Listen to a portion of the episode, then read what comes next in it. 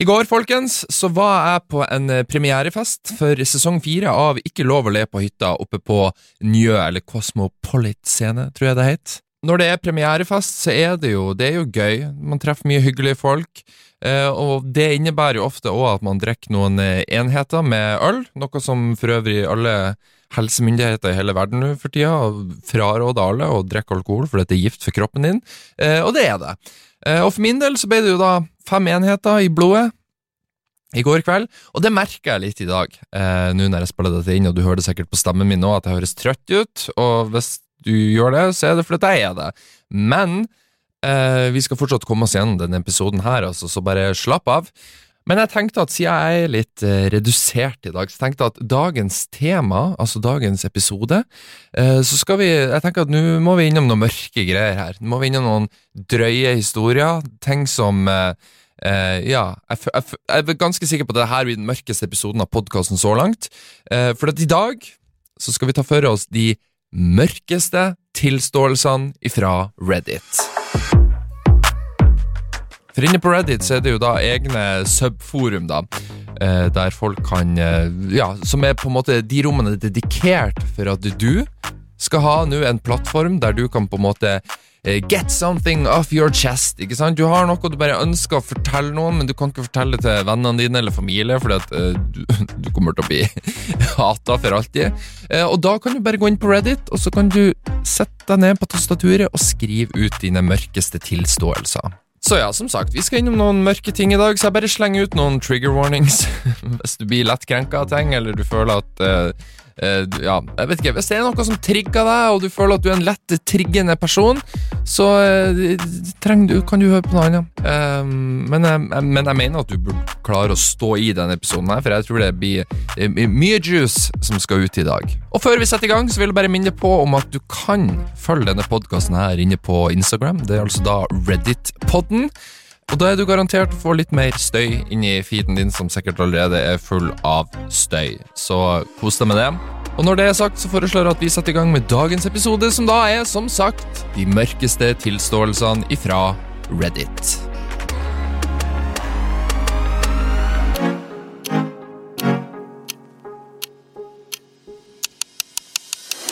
Og dagens første tilståelse Jeg tenker at vi skal ikke bare dyppe tåa nedi røret inne på Reddit der. Jeg tenker at vi bare stuper rett inn, eh, og så går vi til første tilståelse, som har da følgende overskrift.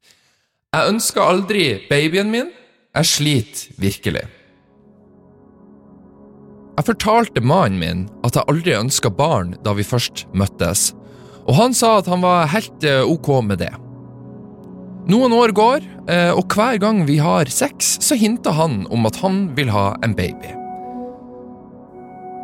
Jeg sa nei gang på gang, og det ødela stemninga i huset hver bidige gang. Tida går, og jeg blir stadig mer frustrert. Men han fikk overtalt meg sakte, men sikkert til at vi kanskje skulle få en baby.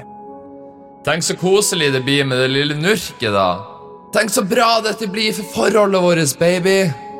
Og så videre, og så videre. Så vi ender opp med å prøve, og selvfølgelig blir jeg gravid ved første forsøk. Åh, så heldig jeg er. Jeg hadde den verste graviditeten med alle plagene det måtte medføre. I tillegg så endte jeg opp med å bli veldig deprimert. I mellomtida så gikk mannen min rundt og var så glad og hadde ikke en eneste bekymring i sine tanker. For han var rett og slett bare glad for at vi skulle starte en familie. Jeg fødte babyen, og for et lite øyeblikk da jeg så babyen min for første gang, så tenkte jeg at kanskje dette er verdt det.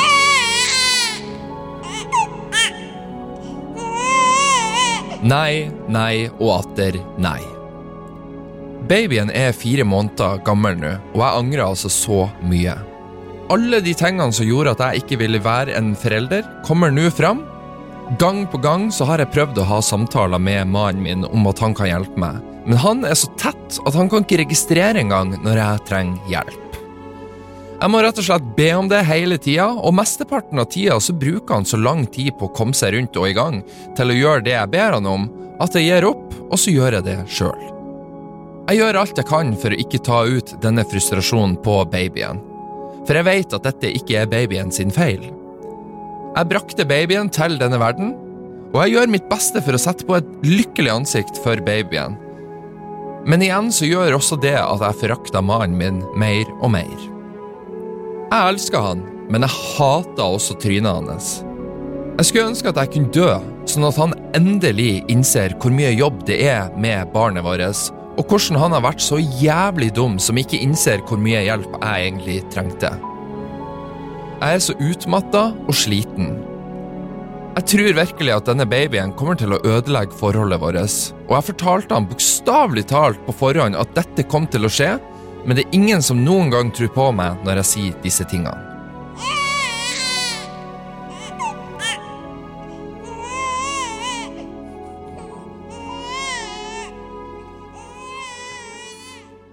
Jeg tenker jo at alle forhold, eh, hvis det er Hvis en av partene ikke vil ha barn, så er det en dårlig idé å prøve å overbevise den andre om at jo, men vi gjør det, kom igjen, vi gjør det, la oss få dette barnet her.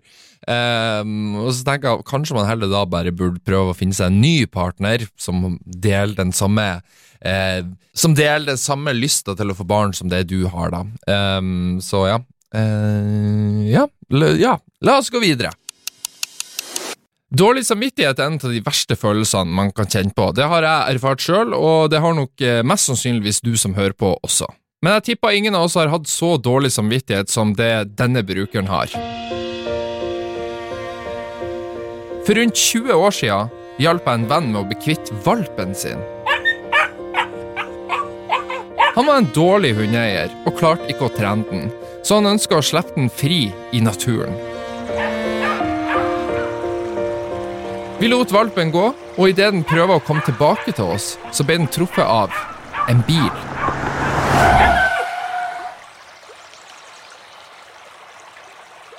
Dette var for halve livet mitt siden, og jeg sitter her og skriver dette med tårer i øynene. Det at jeg var med på dette og ikke stoppa han, er det jeg angrer mest på i hele mitt liv.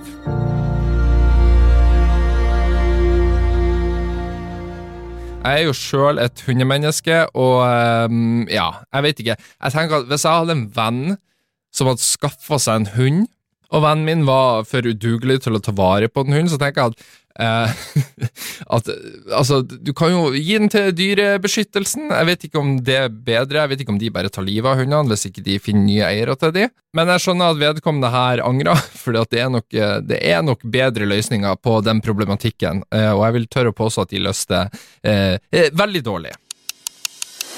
Jeg har vokst opp med en storesøster, så jeg vet at eh, når man har søsken, så blir det veldig mye krangling. Men jeg kan si at det ble aldri så mye krangling som det denne historien vi skal gå gjennom nå, beskriver. Jeg føler meg fortsatt helt forferdelig for det jeg gjorde. Jeg pleide å krangle med søstera mi om dumme ting som fjernkontrollen til TV-en. Vel, når jeg var rundt åtte år gammel, så ble jeg sint og slo der hun hadde hendene hvilende på magen. Hennes hender dekka over en kul under genseren der hamsterens nyfødte babyer lå. Jeg visste ikke om dette før hun visste det til meg. Jeg endte opp med å drepe tre av de fem babyene. Jeg følte meg rett og slett helt forferdelig.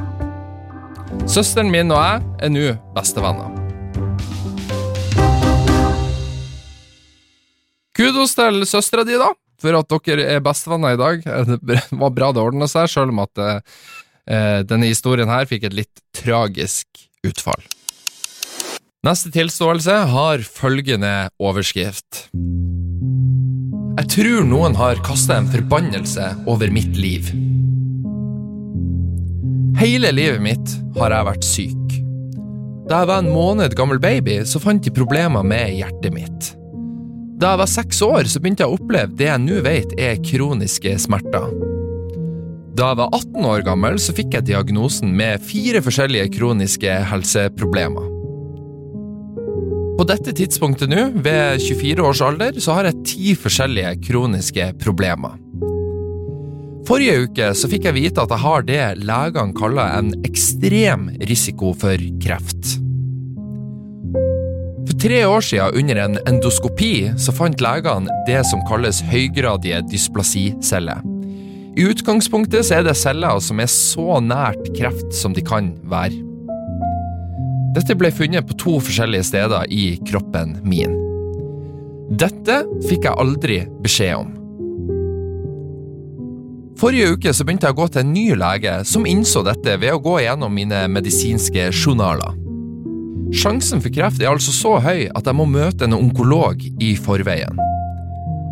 Det føles som at noen bare har kasta en forbannelse over mitt liv. Som at jeg aldri var meint til å eksistere på denne jordkloden. Som at livet mitt er en straff for noe en tidligere versjon av meg har gjort. Hele livet mitt så har jeg måttet lide igjennom ting. Fra fødsel til nå så har det alltid vært noe som har gått galt. Folk forsøker å trøste meg og støtte meg med å si for eksempel Ja, men altså, du vet, det er ikke sikkert du har kreft. Du vet ikke dette ennå. Det kan hende det går bra. På et tidspunkt så må jeg slutte å lide. Livet må bli lettere. For hvis det ikke gjør det, så må jeg gi opp. Jeg kan ikke fortsette å leve et liv gjennom endeløs lidelse med små øyeblikk av lykke og glede. Jeg trenger mer. Livets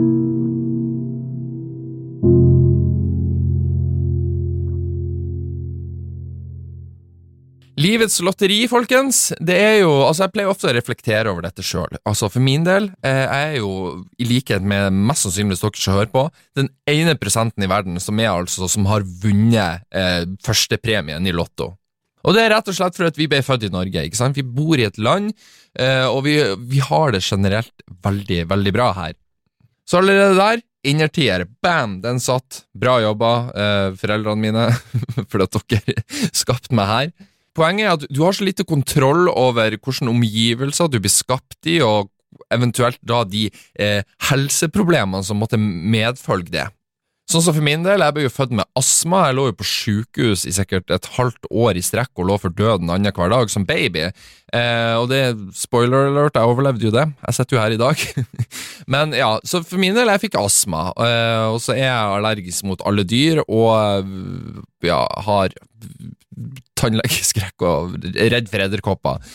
Og Det syns jeg ofte er kjipt, sånn som med f.eks. astma, at uh, kondisen min er i snitt dårligere enn folk der ute. og det er liksom, Jeg må jobbe litt hardere når jeg jogger enn enn veldig mange andre. Men jeg skjønner jo nå at uh, jeg har ingen, ingenting å klage over. Og liksom sånn kroniske smerter um, det, Jeg vet ikke, jeg har litt lyst til å google det, for det, jeg føler jeg har hørt om det, men jeg har liksom ikke satt meg helt inn i hva, hva det er. Og det her er det første jeg får fra Google, eller Felleskatalogen. Der står det kroniske smerter er smerter som varer i over tre til seks måneder eh, etter helingen av det ødelagte vevet. De kan være langvarige og i verste fall også livsvarige. Det kan være behov for tverrfaglig behandling, hvor det utover smertelindring fokuseres på behandling av de psykologiske og sosiale konsekvensene. Så sjukt det må være. Altså Plutselig så er det sånn ah ja, nå føles det ut som at noen knivstikker meg, men det er ingenting som skjer med meg, annet enn at kroppen bare registrerer eh, enorme mengder med smerte. Det er en lidelse jeg ikke ønsker mine verste fiender engang. For tenk, bare det å være fanga i en kropp som ikke fungerer sånn som den skal, eh, og så kan man på en måte ikke kontrollere det heller. Det er ingenting du kunne gjort for å stoppe dette. Så eh, folkens, vær takknemlig for livet, for at vi har det så bra som vi har det.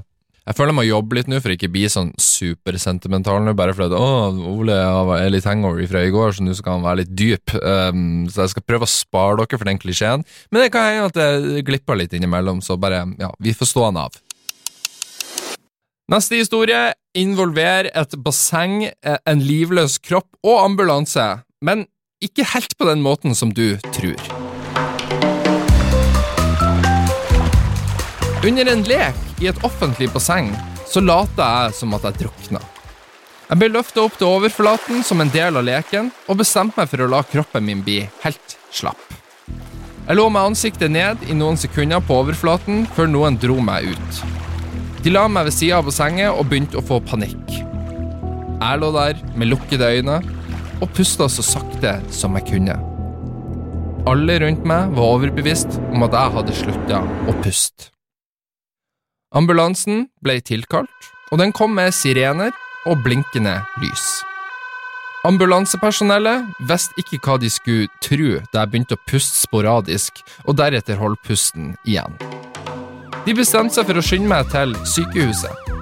Når jeg kom inn til legen, så eh, tok det omtrent 30 sekunder før han innså at jeg bare faka hele greia. Mora mi kom, og jeg hørte legen si til henne Han ligger bare der med lukka øyne. Ta han med hjem. Hun kom og henta meg, og vi dro hjem. Deretter begynte jeg å begrave det minnet så dypt som overhodet mulig. Unnskyld verden. Det jeg liker veldig i denne historien, er at han skriver aldri hvorfor han bestemte seg for å på en måte fake det at han drukna. Eh, så jeg går ut ifra han bare gjorde det for oppmerksomhetens skyld. Jeg av alle kan bli fette forbanna i trafikken. Eh, fordi at det finnes veldig mange folk der ute som tror at de er den eneste personen som eksisterer i hele denne verden, og at veien brukes kun av meg og ingen andre. Men jeg har heldigvis aldri blitt så forbanna som den situasjonen vi skal høre om nå. For et par somre siden så kom jeg inn i rutinen med å jobbe 9 til 5, og gjorde en jobb i et stort forsikringsselskap. En dag mens jeg kjørte til jobb, så ble jeg skikkelig irritert på en fyr som har oppført seg dårlig på veien.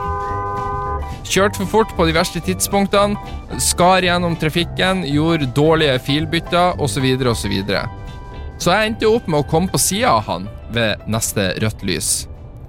Så, siden jeg var en drittsekk, bestemte jeg meg for at jeg ikke skulle la han få bytte fil denne gangen, og blokkerte han da han prøvde neste gang. Dette holdt jeg på med i flere kilometer.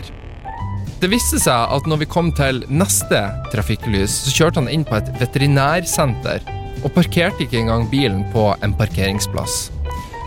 Der løfta han hunden sin ut av baksetet og løp inn. Verste delen var at vinduet mitt var åpent, så jeg hørte hunden hyle og skrike av smerte hele veien inn.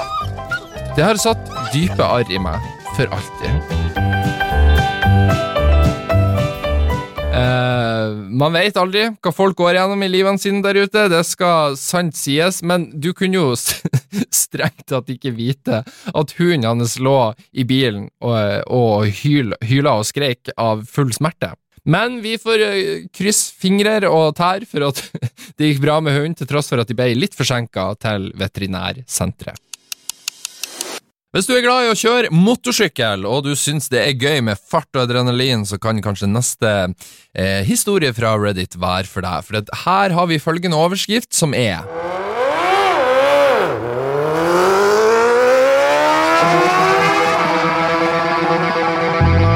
så noen bli drept i går. Ja, hvis ikke det er en optimistisk tittel, så vet ikke jeg, så jeg foreslår at vi bare setter i gang, og så hører vi hva eh, denne historien her er.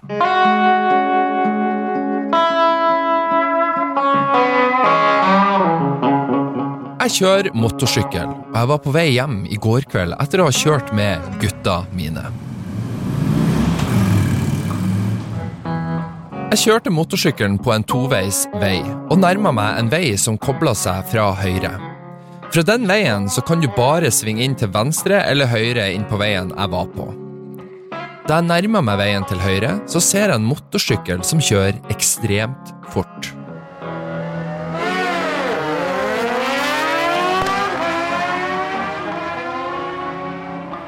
Jeg skjønte med en gang at de ikke kom til å stoppe ved stoppskiltet, og jeg ble helt satt ut. Føreren endte opp med å kjøre rett gjennom stoppet og traff kanten før han fløy inn på parkeringsplassen til et eldresenter.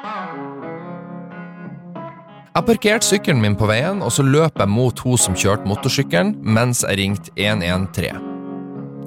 Da jeg kom til henne, så lå hun på sida, uten å røre seg, men hun pusta fortsatt, så jeg antok at hun fremdeles eh, var ok og bare var i utholdelig smerte. Da jeg kom nærmere, så så jeg en dam av blod som danna seg rundt henne, mens 113-operatøren spurte om jeg visste hvor jeg var. Jeg kjente bare til navnet på veien vi kjørte på, så jeg løp til skiltet for å se navnet til bygninga vi var med. Da jeg løp til skiltet, så spurte hun meg om føreren reagerte, og jeg fortalte henne at hun pusta, men at det var mye blod. Hun ba meg om å legge press på sårene hennes, så jeg løp umiddelbart tilbake til henne. Det var kommet en annen mann som sto der ved henne, og jeg sa til han at vi måtte legge press på sårene. Det var da han rulla henne på ryggen at vi så hodet hennes. Hun hadde nemlig ikke hjelm på, og hodeskallen var fullstendig ødelagt. Øyet hennes var nesten pressa ut, og hun blødde fra et stort hold i hodet og munnen. Men hun pusta fortsatt. Jeg informerte 113-operatøren om at hun blødde fra hodet, og hun ba meg om å vente på ambulansen. Da de kom dit, så hadde hun dødd. Jeg kan fremdeles ikke tro at det her skjedde. Som motorsyklist så vet jeg hvilke risikoer vi tar, men jeg kan fortsatt ikke fatte at jeg så at dette faktisk skjedde.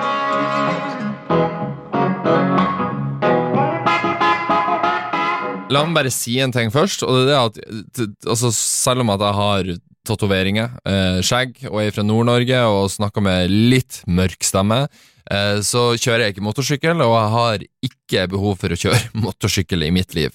Det nærmeste jeg kommer å kjøre motorsykkel, er når jeg tar en Voi eller en Ride sparkesykkel for å komme meg hjem etter jobb. Men det verste av alt er jo at sånne her ulykker skjer jo omtrent daglig her i Oslo også, og ikke på motorsykkel engang. Som sagt, det er bare nok å hive seg på en sparkesykkel, og så følger du ikke med, og så Oi, dæven, der var det en fortauskant! Og så ender du opp med tryn, eh, og så slår du hodet ditt, og så er du en grønnsak resten av livet ditt. Rett og slett fordi ikke du brukte hjelm. Og Det som er ekkelt med denne historien, her er at sant, hvis du er vitne til en bilulykke, eksempel, så må du reagere, og du må agere på situasjonen. Du må prøve å hjelpe. Eh, og det, altså, det, er jo riktig at du skal gjøre det, men du risikerer jo å bli traumatisert for livet. Jeg tipper at hvis jeg hadde opplevd det her, jeg hadde vært traumatisert og hadde trengt å gå litt til eh, en psykolog i ny og ne. Eh, neste historie her handler om en eh, familie som strengt tatt kanskje burde revurdere sine familieaktiviteter. Når jeg var liten, så pleide familien min å spille et spill på offentlige steder der vi konkurrerte om å identifisere den mest groteske personen. Sorry at jeg avbryter, men jeg har aldri hørt noe lignende før. Det høres ut som en veldig spesiell lek. Når jeg var ca. ni år gammel, så dro vi til en fornøyelsespark der det var en absurd mengde ekstremt overvektige mennesker. Spillet gikk bra, og jeg som et lite barn ble litt for entusiastisk. Jeg oppdaga det jeg tippa må være den mest overvektige personen jeg noensinne har sett i hele mitt liv. Og jeg visste at denne personen skulle vinne meg spillet. Så med full hals så ropte jeg Se på den feite mannen! Han er så feit! Jeg vinner! Jeg kan ikke beskrive smerten i blikket han ga meg. Selv som barn så visste jeg at jeg hadde overskreda en slags grense. Når jeg ser tilbake på det nå, så er jeg fortsatt full av skam. Igjen, jeg vil foreslå en annen lek til din familie. Jeg tipper dere forhåpentligvis slutter med denne leken, men hvis dere trenger forslag, og til dere der ute som hører på, hvis dere også driver på med denne leken, heller begynn med gul bil. Slå hverandre i skuldra, si gul bil, Eh, så du får kanskje litt blåmerke, men du slipper eh, forhåpentligvis å ødelegge livet til en fremmed person på gata. I mitt tidligere liv så var jo jeg en YouTuber. Eh, klarte å ja, samle opp 70 000 følgere, kose meg med det. Og så ble jeg lei, og så begynte jeg i VG, og så begynte jeg heller å jobbe mer bak kamera.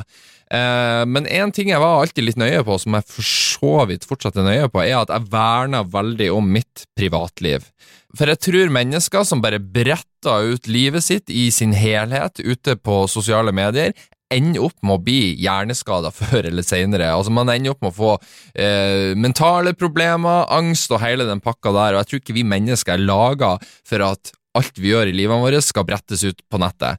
Eh, så neste innlegg fra Reddit jeg føler jeg også understreker dette veldig godt. Fordi at eh, overskrifta er Jeg ble oppdratt av bloggere, og det ødela livet mitt.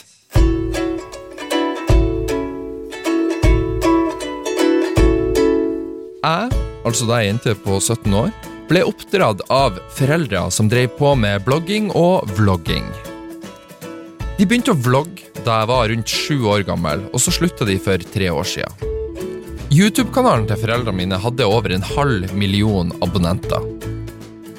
Jeg vil unngå spekulasjoner om hvem familien min er, så jeg vil ikke dele mer detaljer enn det. Foreldrene mine slutta endelig med blogginga når det oppsto en helsekrise i familien, og da står det i parentes av det mentale slaget. Hvis du vurderer å bli en familieblogger eller vlogger, les dette. Jeg har ønska å dele dette en stund, men jeg visste ikke hvordan, før jeg fant Reddit.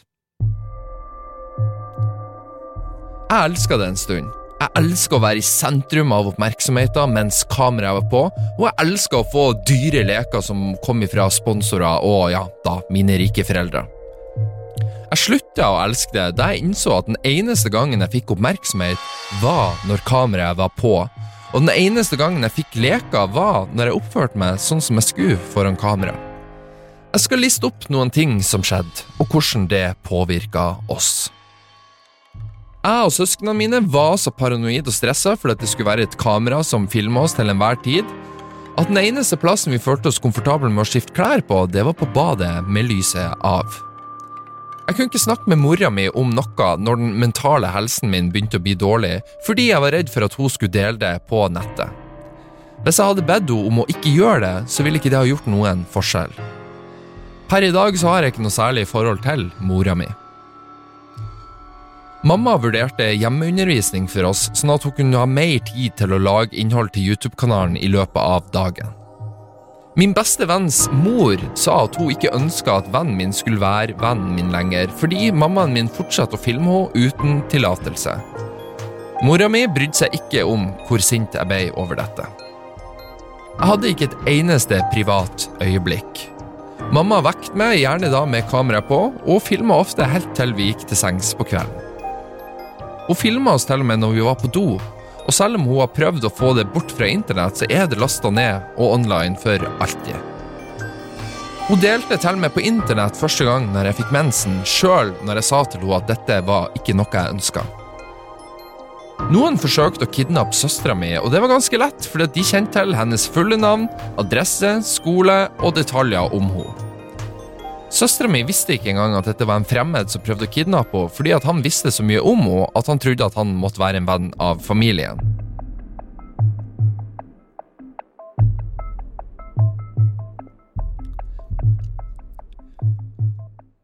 Jeg husker en gang så var jeg i i forbindelse med et uh, event. Det var sånn sponsa oppdrag som jeg gjorde. Dette var mens jeg drev på med YouTube. Og på denne reisen da, så var det jo flere influensere på denne turen her. Og han ene eh, som var med på turen, han er ganske kjent i dag. Jeg blir ikke out navnet hans, men han har en del barn. Og det her var mens det var masse debatt om eh, det å eksponere barn på nettet, da gjerne i Altså når det er reklame, at du bruker ungene dine i sponsa innlegg på Instagram, for eksempel. Og helt siden den turen der, så har jeg hata denne fyren her, altså denne influenseren her, rett og slett fordi jeg huska én setning han sa, eh, som provoserte meg så til de grader, og det var det at for hans del så skulle han gjerne hore ut ungene sine i reklamekampanjer så lenge de fikk godt betalt. Eh, for han mente at ungene tar ikke skade av det, de får masse penger, og det sikrer familien hans, osv., osv. Så, så hver gang jeg ser denne personen nå ute i offentligheten, i media, eller uansett hvis han er med i TV-program, eller ja, så blir jeg altså sånn jeg, jeg, skjønner ikke at det finnes noen der ute som faktisk følger denne personen, eh, og som syns vedkommende er interessant med tanke på hvor ræva verdier han har. Og spesielt den influensergjengen generelt, og nå snakker jeg ikke om en spesifikk gjeng, men jeg snakker om de som uh, ja, poster ut ungene sine på nettet, koste hva det koste vil, for å uh, booste engagement på profilene sine, og ja, som sørger for mer trafikk, mer reklamepenger og uh, ja, mer oppmerksomhet. Jeg, jeg, kommer aldri til å fatte og begripe det, og jeg misliker bare automatisk store offentlige profiler som gjør det. Jeg syns det er ræva. Hvis du har en fryser i huset ditt og barn, så burde du nok sjekke fryseren din litt oftere etter denne historien her. Jeg drepte nesten lillebroren min med å tvinge han inn i en stor fryser, og deretter så satte jeg meg oppå den sammen med en venn av meg mens vi spilte Nintendo 64 i en time.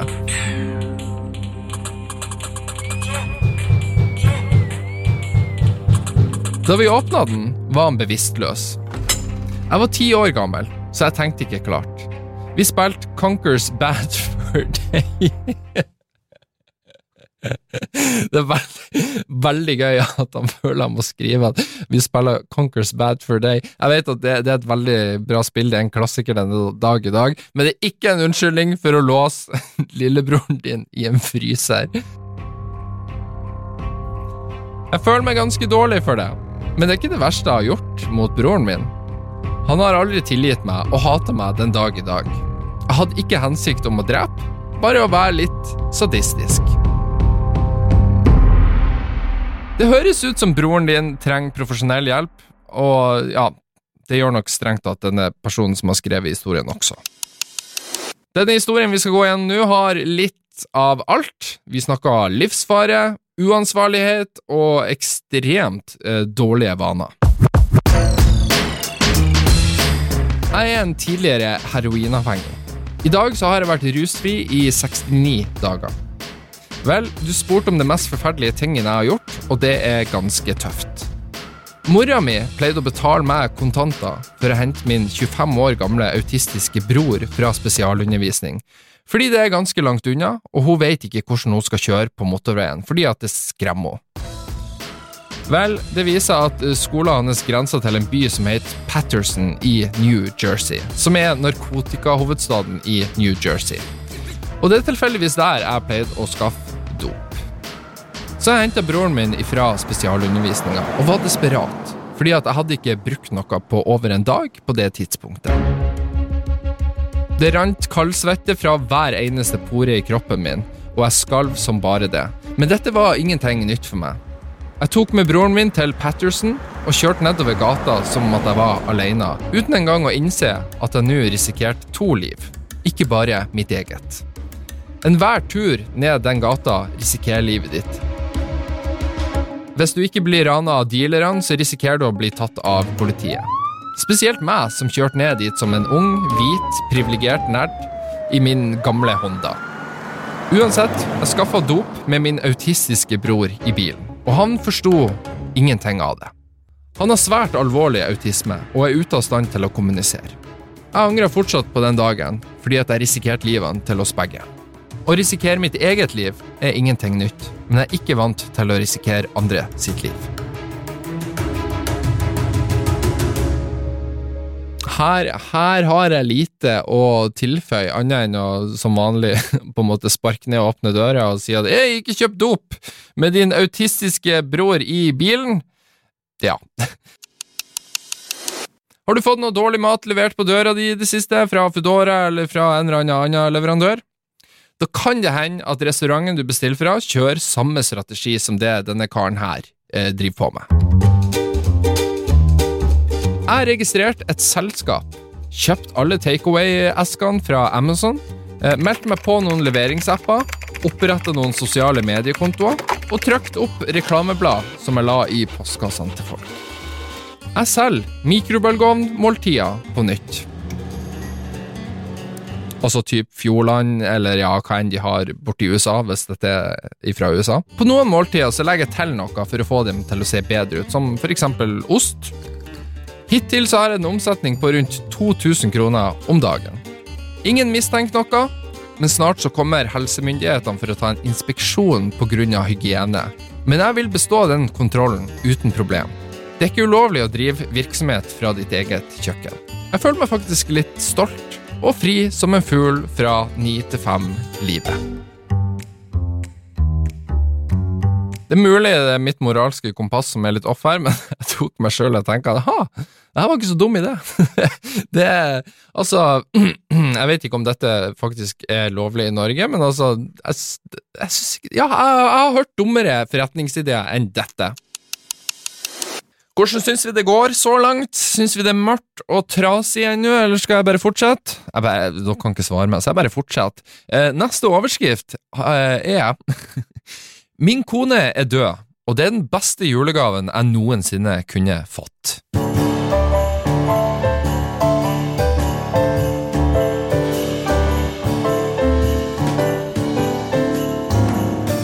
I begynnelsen av 2022 så oppdaga jeg at kona mi hadde en affære med en av sine ekser.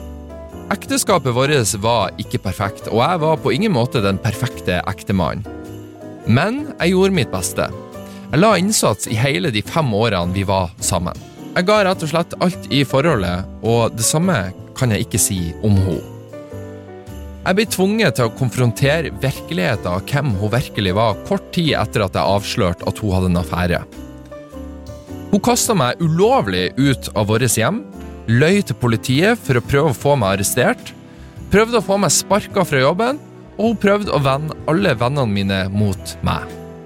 Hun har gjort livet mitt til et helvete siden dagen jeg ba om skilsmisse, og hun har prøvd å tappe meg for alle økonomiske og følelsesmessige ressurser.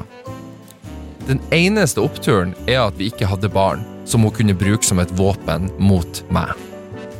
På julaften så dro kona mi og hennes elsker på en fest der begge ble ganske full. Hennes elsker kjørte dem hjem på slutten av kvelden, og det skulle koste dem livene sine. Jeg bare slenger inn her nå at disse historiene er fra eh, de internasjonale historier. Jeg tipper denne historien her er fra USA, med tanke på neste setning jeg skal lese nå. Men Bare sånn at ikke dere tror at uh, det er nordmenn som skriver dette. Um, så ja, da fortsetter jeg. I staten jeg bor i, så anses nå vår skilsmisse for aldri å ha vært påbegynt, rett og slett fordi hun døde før skilsmissen var eh, ferdig signert og ja, hele pakka der. Det resulterer i at jeg vil kunne kreve hennes livsforsikring for meg sjøl og flytte tilbake til mitt eget hjem. Foreldrene hennes ringte meg opp fortvila i går.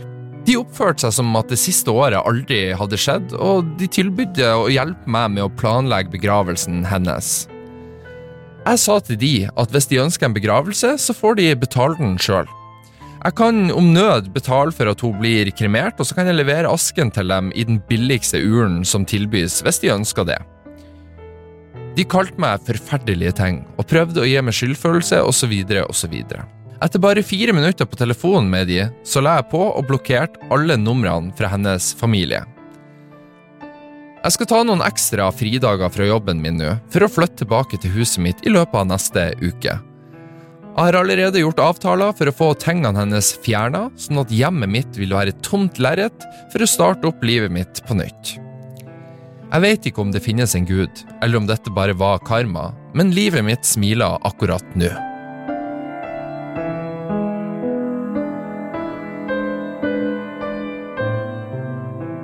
Ja, jeg vil jo påstå jeg, jeg, så jeg kan forestille meg at ekteskapet deres hadde noen problemer, da, siden det var jo en veldig hard reaksjon her. Og så er det sånn, det er så sjukt at altså når to, to, mennesker bestemmer seg for å gifte seg, så er det jo fordi at åh, du er den beste personen i hele verden, og jeg vil bare binde meg til deg for alltid.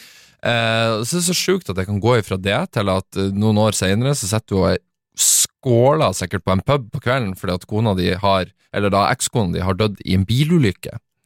Ja, så en litt sånn disturbing historie, men altså bra at de har livet hans smiler nå, i hvert fall, så det er jo bra for han, um, til tross for uh, omstendighetene. Det innlegget jeg skal ta for meg nå, er veldig morsomt. Jeg skal, jeg skal ikke si noe mer enn det. Greit, følg med her. Noen ganger når jeg er alene i huset og jeg dobbeltsjekker at jeg er den eneste personen på eiendommen. Hvis jeg da føler at det er en virkelig, virkelig stor fis på vei, så trekker jeg buksene mine ned, finner den nærmeste veggen, presser rumpa mot veggen, og så presser jeg ut en fis så hardt som jeg overhodet kan. Det er noe med å fise det, det, er noe med å fise mot en vegg som forsterker både lyden og lukta. Det får hele veggen til å riste, og jeg ler ukontrollert av hvor umodent dette er. Hvor ekkelt det høres ut, og hvor jævlig stygt det lukter. My man! det, det, det her Jeg tipper at det er veldig mange, uten å Jeg skal ikke inkriminere meg sjøl i denne prosessen her, for at, eh, dette har jeg gjort, men ikke når jeg har vært alene. Det har jeg gjort med kompiser og sånt når jeg har vokst opp. Men jeg, jeg tror det er veldig mange som gjør det her når de er alene hjemme. Og eh, jeg skal, ærlig, jeg skal være ærlig og innrømme at jeg er litt inspirert til å teste ut sjøl neste gang jeg er alene på min egen eiendom. La oss være ærlige, når vi var barn, så var vi alle fette idiot, hjerneskada. Det, det, det, er på en måte oppgaven til barn. og her skal vi lese om en som gjorde eh, Som var veldig aktiv som barn, og som kanskje fikk fatale konsekvenser. Jeg hadde en lærer som var fire måneder gravid når jeg gikk i andre klasse. Som barn så var jeg veldig aktiv og likte å sprenge rundt i rommet i friminuttet. En dag så ringte klokka, og vi skulle sette oss på plassene våre. Meg og to av kompisene mine fortsetter å løpe rundt og leke. Plutselig dukka læreren min opp foran meg. Og jeg som løp rundt, endte opp med å sprenge rett i henne, og jeg traff magen hennes hardt. Hun sa at det gjorde vondt, og at hun måtte snakke med foreldrene mine. To dager etter hendelsen meldte læreren seg sjuk, og vi fikk en vikar. En uke etterpå så fortalte mora mi meg at læreren hadde mista barnet sitt. Jeg så aldri læreren igjen. Jeg vet egentlig aldri om det var min skyld eller ikke, men i mitt unge sinn er det min feil, og det vil for alltid plage meg. Hvis du der ute som lytter eh, har vært gjennom tilsvarende når du var barn og sprunget ned gravide dame, så foreslår jeg at du tar kontakt med de nå i voksen alder, så hører du bare med de Ei, eh, hva skjedde? For jeg tror at uavhengig om det var din skyld eller ikke, så er det nesten enda verre når du faktisk ikke veit om det var din skyld eller ikke. Vi mennesker vi er avhengig av svar, eh, og det har ikke denne stakkars eh, Reddit-brukeren her fått, eh, og det burde han egentlig få, uavhengig av om det var hans skyld eller ikke. Det er jo enkelte ting vi mennesker må gjøre stort sett hver bidige dag, hele livet, og den neste historien her er en som har innsett at den, en, en, av de tingene han må gjøre hver bidige dag, er noe av det verste han vet. Jeg hater å bæsje. det, må være så sjukt å være innse fy faen, den tingen jeg gjør hver bidige dag, jeg hater det. det. For et tungt liv du har da. Det er den delen av dagen jeg hater aller mest. Jeg har ikke likt å bæsje siden jeg var liten, og jeg er i 20-årene nå. Jeg vet ikke hvordan noen mennesker kan så å si bo på badet og bæsje i en time. Jeg er inn og ut i løpet av to minutter. Og det er ingen grunn til det. Jeg bare syns det er en uhyggelig opplevelse, og det får meg til å føle meg engstelig. Og jeg tror egentlig aldri jeg har på en måte reflektert over det når jeg sjøl er på do og slipper en nummer to, at hva jeg egentlig tenker om det. Eh, og Men igjen, det kunne jo ha vært enda verre for denne vedkommende. Det kunne ha vært hvis han hadde samme følelser om tissing, for da er det, det er noe du må gjøre opptil flere ganger i løpet av dagen. Så altså, det kunne ha vært verre. Så han Ja. Men ja. Bæsjing er ikke for alle. Enkelt og greit. Parforhold er jo ikke alltid en dans på roser, og den neste historien vi skal høre nå, er et, stykke individ som ikke er så fornøyd med partneren sin lenger. Kjæresten min blir stadig feitere og feitere. Jeg elsker henne veldig mye, men jeg er rett og slett ikke tiltrukket av henne lenger. Hun står opp midt på natta og spiser en haug med søtsaker eller is, eller en håndfull frokostblanding. Jeg tok opp emnet en gang, og det gikk egentlig ikke så bra. Så jeg endra kostholdet mitt og begynte å gå på treningssenteret og sa at jeg ikke ville bli en feit, gammel mann, og at jeg ikke ville være usunn. Men hun fulgte ikke etter, eller tok hintet. Så overfladisk som dette høres ut, så vil jeg bare si at jeg vil ikke ha en overvektig, usunn og lite attraktiv, for meg, kjæreste. Jeg er redd hun kommer til å komme forbi point of no return, så, og så vil hun bli deprimert over det, eh, og det vil bli en uendelig syklus.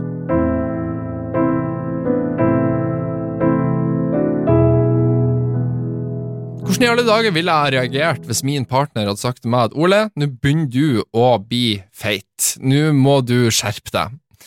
Det er en veldig hard melding å få, eh, spesielt når det er fra den personen du på en måte henger mest med, og som du mest sannsynligvis bor med. Og jeg tenker at Hvis jeg sjøl hadde vært i samme situasjon med en partner som ble stadig mer og mer usunn og la på seg at, Jeg tror ikke det ville brydd meg så mye, egentlig, fordi at folk går opp og ned i vekt. og Sånn er det bare. Men jeg tror at hvis jeg var i denne personen sine sko, så tror jeg heller bare ville gått ifra dama og så bare unngått den konfrontasjonen i det store og det hele. Så jeg tenker at vi skal avslutte podkasten der. Jeg tenker at jeg, nå jeg har hørt nok. Jeg tror dere har hørt nok. Jeg vet ikke, Kanskje denne episoden jeg bare skada hele navnet på denne poden. Folk tenker 'å, oh, fy faen, ikke hør på den poden', for det er sjuke historier som bare blir å ødelegge dagen din totalt. Så hvis jeg har ødelagt dagen din, så um, beklager for det, altså. Men eh, det er jo fortsatt Jeg syns jo fortsatt det er interessant å høre hva som foregår i hodene til folk der ute. For folk er jo i alle mulige slags rare situasjoner, eh, som da jeg og dere kan lese på Reddit. Så det jeg, jeg, blir fascinert av det. Det er litt sånn som når du ser eh, en bilkrasj. Så er det sånn, det er jo grusomt, det som skjer, men du blir jo fortsatt å stå og se på. Uh, ja, så det, det, det, er en god oppsummering av dagens episode, føler jeg. Det er konstant flere bilkrasjer som du bare sitter og hører på og blir fascinert av. Uansett så vil jeg takke deg så masse for at du har hørt på denne episoden av Hørt på Reddit. Hvis ikke du har gjort det ennå, følg podkasten, enten om du hører den inne på Spotify eller eh, en annen podkastapp eller podka Apple Podkast. Uansett, følg podden, anbefal det til en venn, eh, og spre det Ja, jeg skal ikke si det glade ord, for dagens episode har ikke akkurat vært glad, men spre ordet, i hvert fall. Uansett, takk for meg. Vi høres igjen i neste episode av Hørt på Reddit.